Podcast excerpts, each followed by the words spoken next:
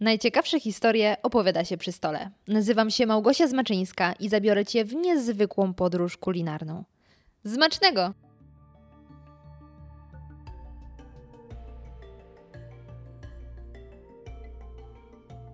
Jedzenie to znacznie więcej niż kalorie niezbędne do życia. To nieodzowny element spotkań rodzinnych i towarzyskich. Wyobraźcie sobie święta bez tych wszystkich smakołyków.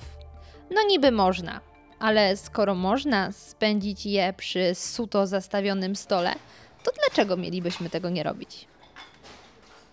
Jest ono również świetnym sposobem na wyrażenie naszych uczuć. Niech pierwszy rzuci zgniłym pomidorem ten, którego babcia nie próbuje wcisnąć mu kolejnego kawałka sernika. Przecież jest to wyraz jej największej miłości i troskich o swoje wnuki. Jednak z drugiej strony jedzenie wyraża też emocje, a właściwie często nasze emocje przekładają się na to, co jemy. W końcu nie bez powodu wyobrażamy sobie dopiero co porzuconą kobietę z kubkiem pysznych waniliowych lodów oglądającej serial.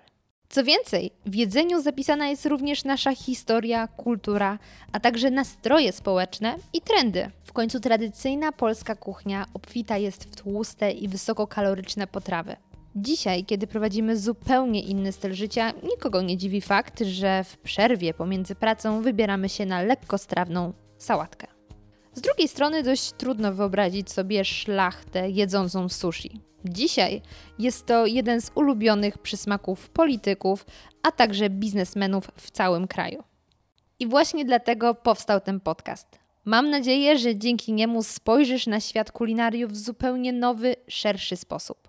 Usłyszysz wiele nieznanych historii o bardzo znanych potrawach, a także poznasz ludzi, dla których jedzenie to nie tylko bułka z masłem.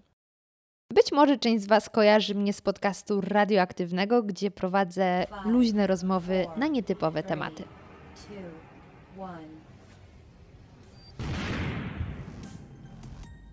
Podcast radioaktywny. Już ponad rok temu zastanawiałam się nad tym, czy nie założyć podcastu o jedzeniu. Finalnie porzuciłam ten pomysł i postawiłam na zupełnie inny format.